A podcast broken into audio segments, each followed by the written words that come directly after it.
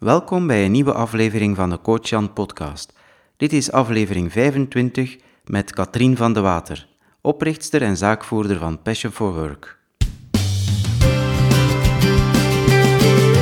Dit is de Coach Jan podcast. Hey en welkom bij deze nieuwe aflevering van de Coach Jan podcast. In deze podcast ga ik in de toekomst een aantal hoogvliegers uitnodigen. Hoogvliegers zijn mensen die succesvol zijn in een bepaald aspect van het leven of die een eh, opmerkelijke missie hebben.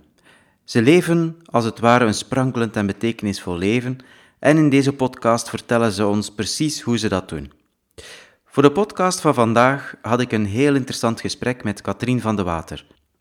Katrien is zaakvoerster en eh, oprichtster van uh, Passion for Work, maar is bovenal een bijzonder inspirerende persoon.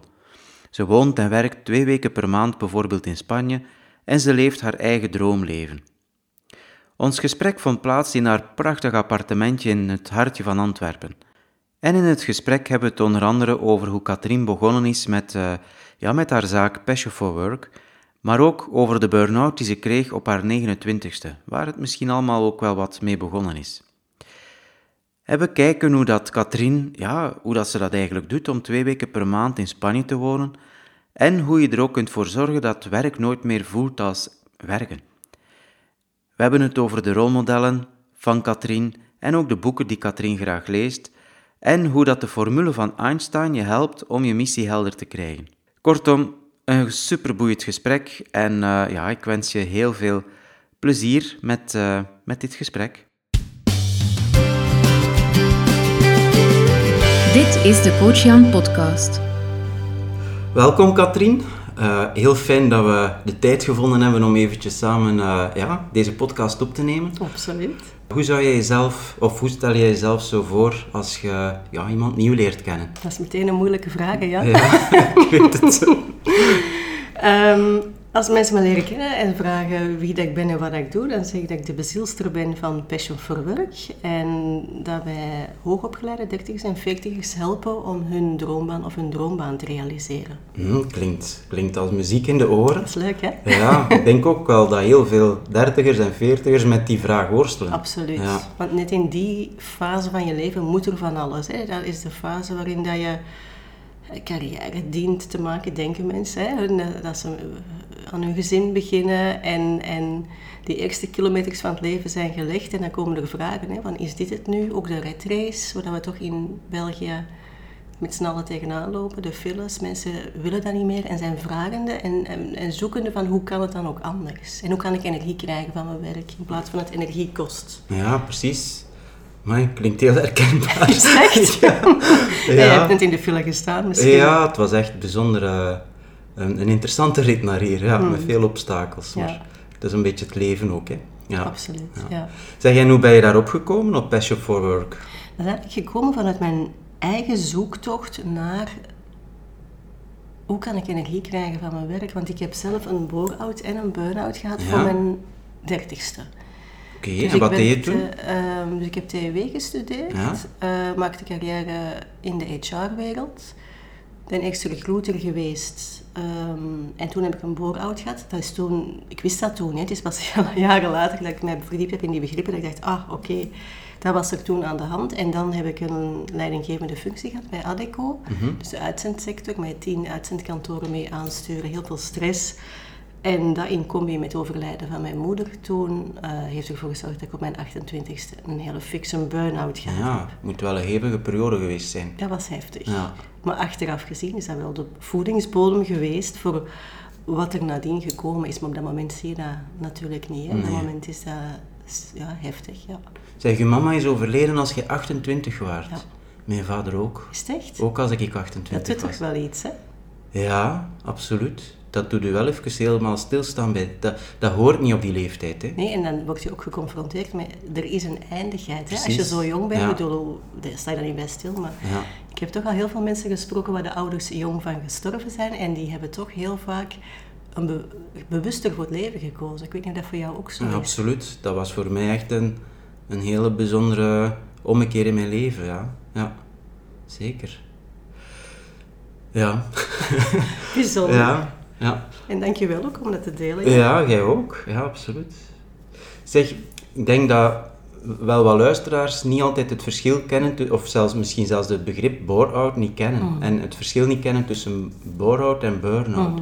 Ja. Hoe, hoe zou jij dat zelf ja, definiëren? Ja, je kunt zeggen, is dat nu zo belangrijk hè, om, om, om dat verschil te kennen nu? Ik vind het ook belangrijk dat er aandacht aan komt, omdat ook heel veel dokters tegen mensen heel vaak zeggen, je hebt een burn-out. En als we dan met die mensen in gesprek gaan, zien we dat, de, dat dat soms een bore-out is en geen een burn-out. Nu, wat is het verschil? Of wat maakt dat mensen het over ene kam scheren? De symptomen zijn vrij gelijkaardig. Die symptomen, dat is nu wel bij iedereen een beetje anders, maar in, over het algemeen gaat dat over jezelf niet meer herkennen niet uit je bed kunnen. eh je ledematen die wegen precies 100 kilo. Je kijkt in de spiegel en je ziet zo'n goedkoop aftreksel van wie dat je was of zou kunnen zijn. Concentratieproblemen, hartkloppingen soms. eh, Dus, en dan ga je naar een dokter, je laat bloed, bloed nemen. En dan zegt de dokter, oh nee, alles is in orde. En je gaat naar huis en je voelt, hem er toch klopt er iets niet. En dus die symptomen zijn bij de twee gelijkaardig, maar de oorzaak is anders. Want bij als, als ja, je kan dat nu niet zien op de podcast, hè, maar als je een bepaald potentieel hebt, ik doe nu iets met mijn handen, Ja. maar hè, je hebt een bepaald potentieel en je blijft veel te lang, je kan niet dat potentieel inzetten. Ja. Dus je zit veel te, je maakt je eigenlijk te klein, je hebt veel meer in huis dan dat erin zit. Mhm. Dus je cirkel van je potentieel is veel groter dan wat je dagelijks kan leven, kan uitleven. Dan zit er een risico voor bore-out in. Ja, ja. En dus dan zit je veel te lang in de comfortzone. ja. En bij burn-out, ehm, als dat die cirkel is van jouw potentieel, dan zit je veel te lang in de effortzone. Oké, dus je bent ja. werk aan het doen dat ofwel niet past bij je waarden, Mhm. ofwel niet past bij de dingen die jij goed kan en graag doet, ofwel niet past bij wat je wil ontwikkelen. Oké. En dat zijn de begrippen waar ik heel, mij heel erg in verdiept heb, eh, rond tussen mijn 28 en mijn 30, omdat ik eigenlijk op zoek was naar de antwoorden voor mezelf. Van ten eerste, wat wil ik met mijn professioneel leven? Want ik liep vast. Ik wist dat loondienst niet werkte voor mij. Maar ja, bedoel, wat dan wel? Ik kom niet uit een familie van ondernemers. Ik kende ook geen ondernemers. Ik kende in het beste geval de bakker op de hoek. Dat was voor mij het beeld Ja. van een ondernemer. Dus ik ben toen heel erg gaan zoeken, gaan lezen. Ik woonde toen ook in Nederland en daar is wel meer over te vinden. Allee, destijds toch al, nu begint hij in België ook allemaal wel, maar daar was meer over te vinden over al die onderwerpen. Mhm.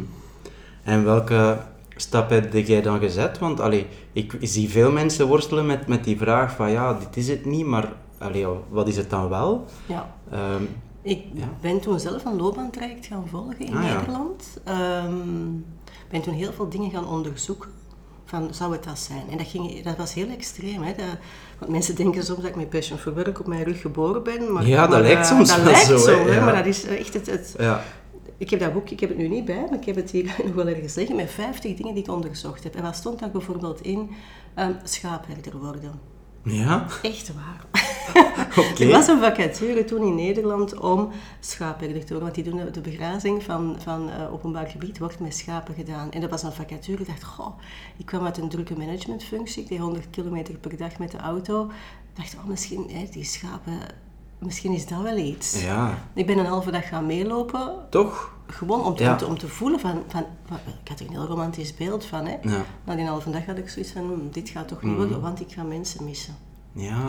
Ik ben gaan kijken om Le Pin Quotidien op te richten in Maastricht, waar ik toen woonde. Eh, een bed en breakfast heb ik onderzocht. Dus ik heb heel veel dingen onderzocht. En wat betekent dat onderzoeken? Meelopen met iemand die dat doet of praten met mensen die dat deden. Dus 50 dingen heb ik onderzocht. Ik heb Ja. allemaal bijgehouden in een boekje van kijk, wat is mijn inzicht? En altijd als, als het dan toch niet was, heb ik dat omgedraaid. Hè. Bijvoorbeeld die schaapherder, dacht ik, oké, dat is het niet, want ik mis mensen. Dus ik wist, ah, iets met mensen moet ik mee, dat moet er al in zitten. En zo heb ik eigenlijk de korf samengesteld van mijn ideale job. En zo ben ik gekomen tot het feit dat ik inzicht heb gekregen in de methode om energie te krijgen van werk. En daar heb ik een programma rond ontwikkeld. Dus eigenlijk is Passion for Work het antwoord op de vragen die ik zelf had. Allee. Dat is En dat zie je vaak, hè, ja. bij mensen. Ja, absoluut. Heel vaak zoeken we het gat in de markt en Mhm. zoeken we veel te ver. Ik zeg tegen- vaak tegen mensen van, kijk, het ligt vlak voor u.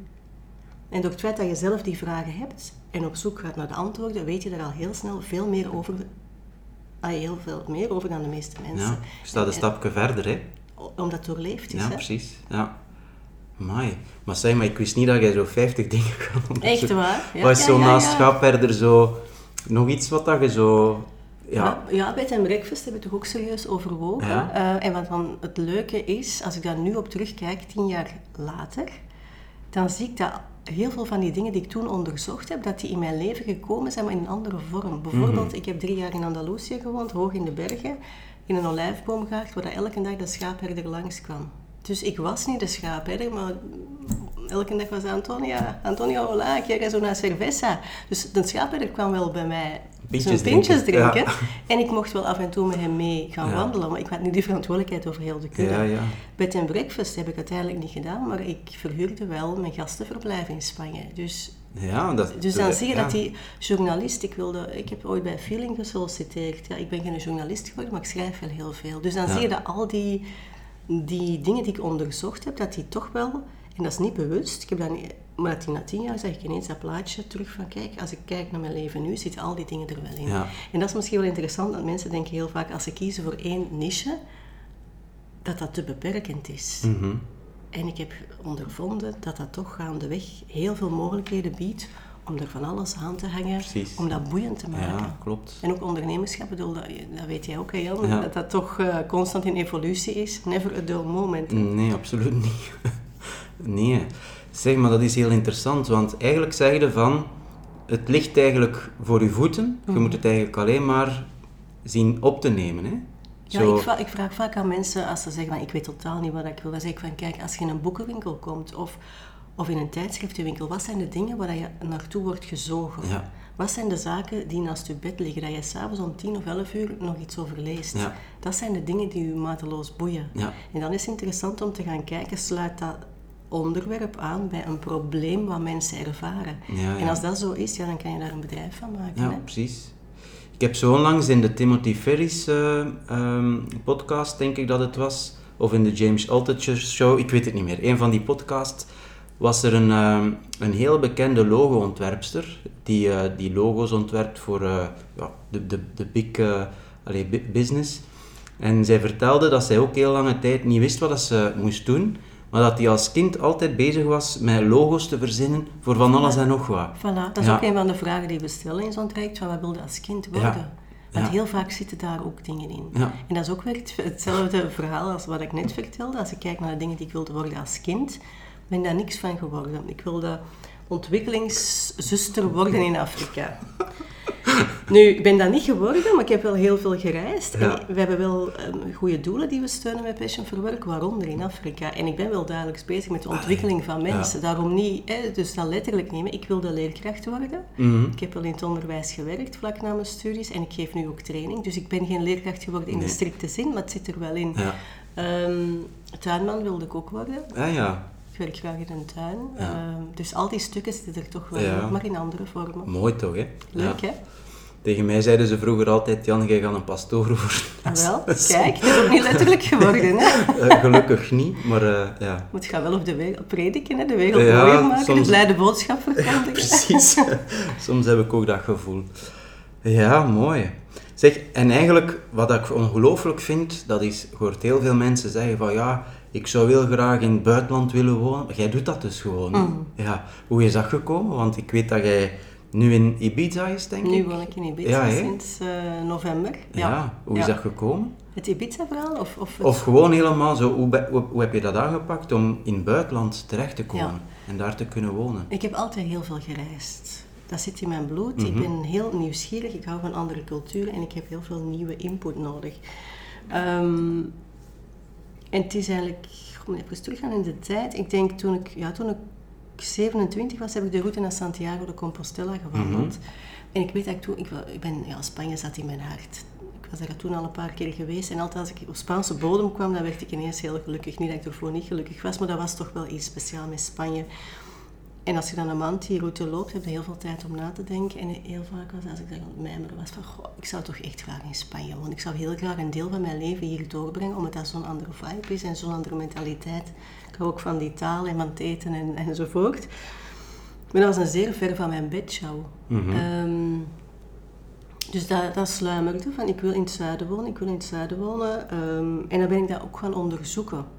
Ik ben gaan spreken met mensen die effectief in het zuiden woonden, want ik had het beeld daarvan dat je miljonair moest zijn om dat te kunnen doen. Ik dacht ja, dan moet een tweede huis kunnen kopen en weet ik veel. En ik zag dat vooral op zeer lange termijn voor mij. Zo, hè, rond mijn pensioen, dan zal dat misschien wel eens kunnen lukken.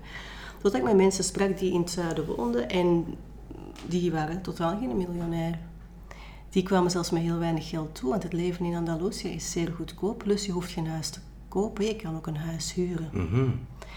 En ik hoorde een, ja, dat moment een, een interview, een podcast hè, met Richard Branson, dat Ja. hij 55 bedrijven had en dat hij de helft van de tijd op Necker Island zat en dat hij de helft van de helft van de tijd aan tennissen was. En dat was voor mij echt zoiets van, goh, als die man dat kan met 55 bedrijven, moet ik dat ook kunnen met één bedrijf. Want op dat moment, ik was passion for work, ik had ik denk één of twee freelancers en ik kon hier ook niet weg uit België. Ja, Dus ik heb dan gekeken, ja, hoe doet Richard Branson dan? Branson dat, die maakt van alles een systeem. Dus ik heb acht maanden de tijd genomen om alles wat er in mijn hoofd zat, om dat uit te schrijven. En mensen te zoeken in België die dat van mij konden overnemen. En dus na acht maanden ehm, heb ik de stap gezet. Nu, ik had daar ook vrienden hè, in Andalusië, dus ik ben eigenlijk, het is niet in een koud bad dat ik terecht gekomen ben. Ehm, ik ben daar dan in de buurt gaan wonen en, en zo is het eigenlijk eh, gekomen. mooi. En hoeveel tijd werk je dan eigenlijk nu nog in je bedrijf, zal ik zeggen? Op dit moment? Want als je in buiten... Nee, ik, werk, ik werk constant ook in het buitenland. Mensen Ah, ja. hebben een heel romantisch beeld van. En Ja. Catherine is altijd in de zon Mhm. of ligt op het strand. Nu, ik ben daar ook keihard aan het werk. Mhm. Ehm, overal waar internet is, kan ik werken. Hè. Dus Ja. ik, ik tel ook geen uren. Mhm. Ik zou het niet weten. Mensen vragen me dat soms, hoeveel uur per week werk jij? Ik weet het niet. Dan Mhm. zeggen ze, maar je weet dat toch? Is dat 20, 30, 40, 50, 60, 70, 80? Ik weet het niet. Mhm. Want voor mij is werk en leven ook één ding. Precies, ja, dat herken ik wel. Ja. Ik bedoel, Ja. dit, dit, is dat dan werk? Ja, ik vind dit ook heel leuk. Ja. Hè, dit Ja. interview. Op zich is dat werken, maar, maar ik vind het ook heel verrijkend om met jou te spreken. Dus, ja, dus ik kan dat niet helpen. Ja, dat snap ik. En dat is misschien wel heel interessant ook, om, ehm, als het dan over werk gaat, dat je dat inderdaad niet... Bes Want als je graag doet wat dat je doet, is werken ook niet meer werken in feite. Hè? Is het eigenlijk eh, gewoon een way of life misschien. Voilà, lifestyle, Ja, absoluut. lifestyle, ja. Ja. Mooi. Ja, klinkt goed. Dus eigenlijk is dat gevoel volgen. Hè? Van hetzelfde met Ibiza. Ik kwam daar in mei vorig jaar voor het eerst. Ehm, en ik had eigenlijk meteen al zoiets van, oh, hier zou ik willen wonen. Ja. Wat trok er u aan in Ibiza? Dat is heel raar. Ik, bedoel, ik zat in het vliegtuig en ik keek, ik zat aan het raam en ik keek naar beneden en ik zag iets voordat we gingen landen, zag ik die rots van Esvedra. Ik weet niet of jij dat kent. Nee? Er ligt een rots in de, in de zee. Dat zou een van de drie krachtigste plekken zijn ter wereld. Ik wist daar niks van. Ik, ik wist niks van Ibiza. Maar ik voelde wel dat dat iets speciaals was. En ik weet dat ik voet op Ibichenko bodem zette als ik uit dat vliegtuig wandelde. En ik had wel zoiets van, wauw, wat is dit? Ja. Dus dat is een gevoel, ik kan ik zelfs niet zeggen. Wat me nu erin aantrekt, is het internationaal. Ja. Eh, je komt heel veel boeiende mensen tegen op Ibiza, die allemaal met een levensverhaal. Dus dat vind ik ontzettend eh, boeiend. Ja. Het is een, een heel speciaal eiland. Het is, eh, ja, het is ook geen makkelijk eiland. Om, Mhm. om, ik raad mensen niet aan als ze nog nooit in het buitenland gewoond hebben om naar Ibiza te gaan. want Het is echt een van de moeilijkere plekken. En wat maakt het zo moeilijk dan? Wat het moeilijk maakt is dat het extreem duur is. Ja. Ehm, er zijn ook geen regels op Ibiza, ze maken hun eigen regels. Dus als je daar wilt huren, dan moet je heel veel geld betalen. En het is, het- ik ken veel mensen die er nu een jaar zijn en die al vier, keer- vier keer per jaar zijn moeten verhuizen. Ah ja. Ook als je de taal niet kent en je kent, bedoel, door het feit dat ik al wat kilometers op de teller had staan in Andalusië heb gewoond, merkte ik wel, was ik blij hoor. Van dat ik denk, oh, ik weet al een beetje hoe dat zit hier. Ja. Dus ehm, Nou, leuk. absoluut. Ja. ja. Allee, mooi, mooi, mooi. Ja. Ja, Spanje trekt mij pers- persoonlijk ook aan. Wij wonen één maand in het jaar in Spanje. Is het echt, hè? Maar- Ja, in juli en dat is dan in de Costa Brava, Ja. omdat we dat daar gewoon heel goed kennen en ja, we hebben daar een plekje. Maar eh, ja, mij trekt dat ook wel aan om daar veel meer tijd te zijn, maar ja, ik zit nog wat gebonden in, in het Ook met werk. kindjes, hè? ook met kindjes, en dus je moet ook al wat rekening houden met de schoolvakanties. Dus Absoluut. wij zitten heel de maand juli in eh, San Antonio de Colonge, noemt dat. Ik heb hem niet hoor. Ja, maar leuke plek ook. Goed. Zeg, wie zijn zo wat voorbeelden voor u als je, of, of, of heb je niet zoiets als, als rolmodellen? Ja? Absoluut, Ja? veel zelfs. Ja? Ik heb er heel veel en op verschillende terreinen. Ah ja. Bijvoorbeeld op vlak van gezondheid Ja. heb ik er. ehm, op vlak van relaties. Mhm. Ik, heb, ik ken mensen met heel goede relaties, die zijn voor mij dan rolmodellen. Ja. Ehm, op vlak van business, ja, Richard Branson eh, noemde ik net. Uh, Ilko de Boer vind ik ook zeer Ah, ja. inspirerend. Dus ik heb heel veel ja, inspiratiebronnen rondom mij. Ah ja. En wie is er op dit moment zo in uw leven dat je, dat je iets aan hebt? Goh, veel mensen hoor. Ik bedoel, ik volg heel veel mensen ook online. Hè. Mhm. Ehm, ik vind, ja, wat Elko de Boer doet, vind ik gewoon inspirerend. Ook Michael Pilarczyk. Ehm, die man woont ook op Ibiza. Ah ja. Is een Nederlander, is ook heel veel met me- en heel mooie dingen aan het doen.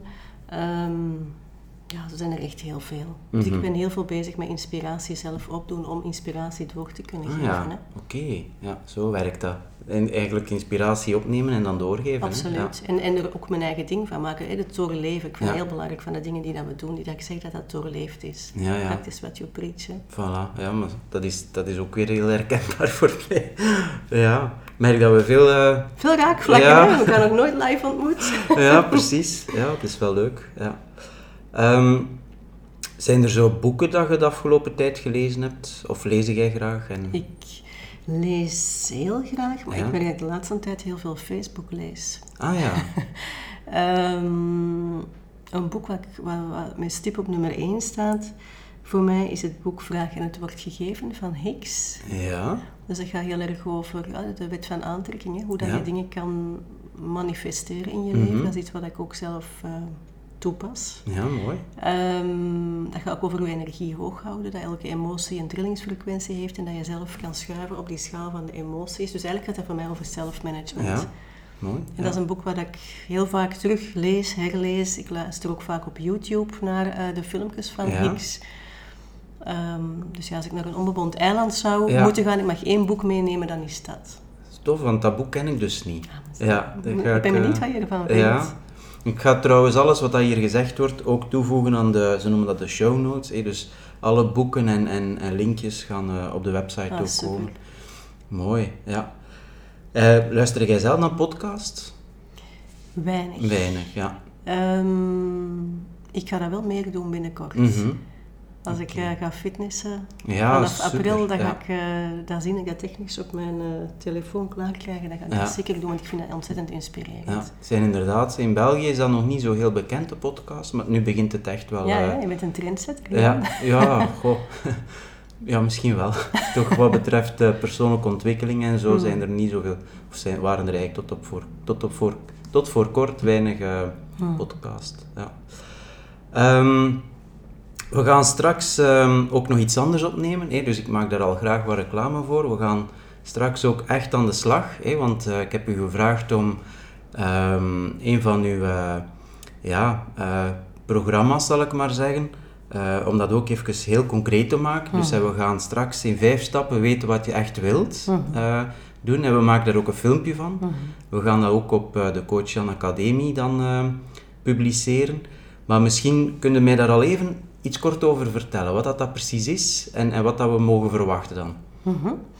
Ehm, heel veel mensen herkennen die vragen van, goh, ik wil iets anders doen, maar ik weet niet precies wat. Mhm. Dat is de vraag wat ik net ook vertelde, dat ik daar zelf tegenaan liep. En ik heb in mijn eigen zoektocht daar het antwoord op gevonden, hoe dat je dat op een gemakkelijke manier ja, concreet kan maken. En ik heb de formule van Einstein eh, geleend en Ja. die toegepast op, op je missie helder krijgen. Oké, klinkt super. Dus ik ga dat straks in een filmpje laten zien Ja. hoe dat werkt. Het is Ja. heel praktisch en concreet. Ja. En het werkt ook echt, want we hebben intussen duizenden mensen mogen begeleiden Wauw. met die formule. En we krijgen echt dagelijks mailtjes van mensen die dan hun ding vinden. Ja. En dat is waar we het nog steeds na tien jaar met alle, allee, alle dagen voor doen. Hè, voor die fijne reacties. Ja.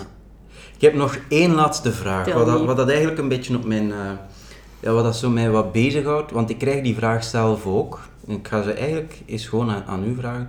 Hey, we gaan dat nu straks doen. Jij geeft ook superveel weg. Ik bedoel, als ik op internet al uw dingen lees en, en dat is ongelooflijk hoe, hoeveel dat jij van uw kennis en ja, gewoon eigenlijk gratis weggeeft. Mhm.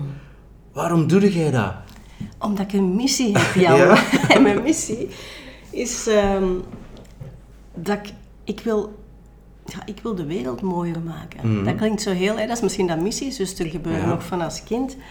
Ik wil vooral ook Vlaanderen een positieve injectie geven, want door veel in het buitenland te zijn, kijk ik ook van op afstand hè, naar ons eigen land. Ehm, ik, kom ook heel, kom ook elke maand terug, dus ik ben even weg en terug. En ik maak me een beetje zorgen over Vlaanderen en over ja, de, de geestelijke gezondheid. Ook van, van, van, van onze kinderen. Waar gaat dit naartoe? Hè? Bedoel, in de file staan, we vinden dat allemaal normaal, maar hoeft dat zo normaal te zijn?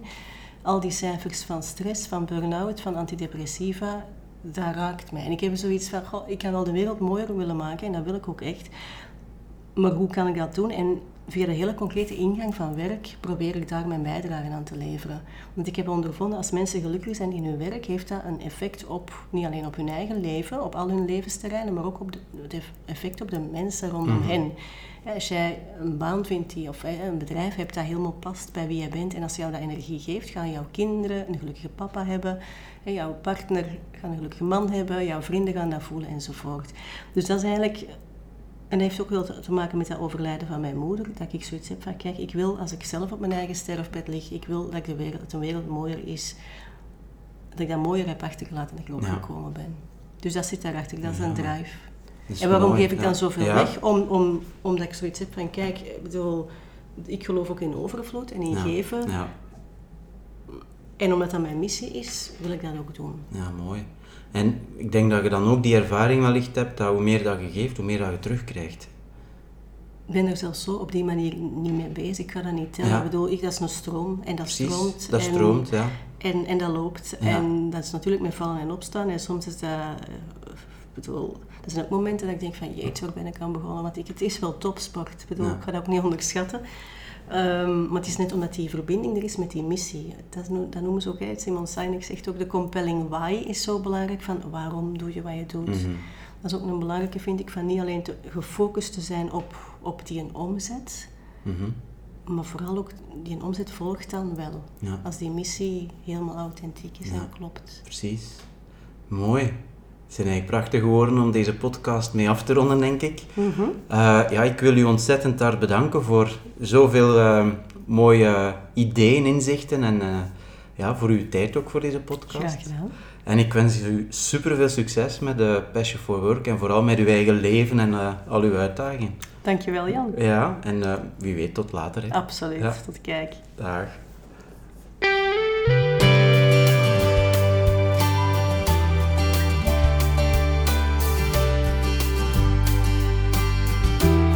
Dit was de Coach Jan podcast.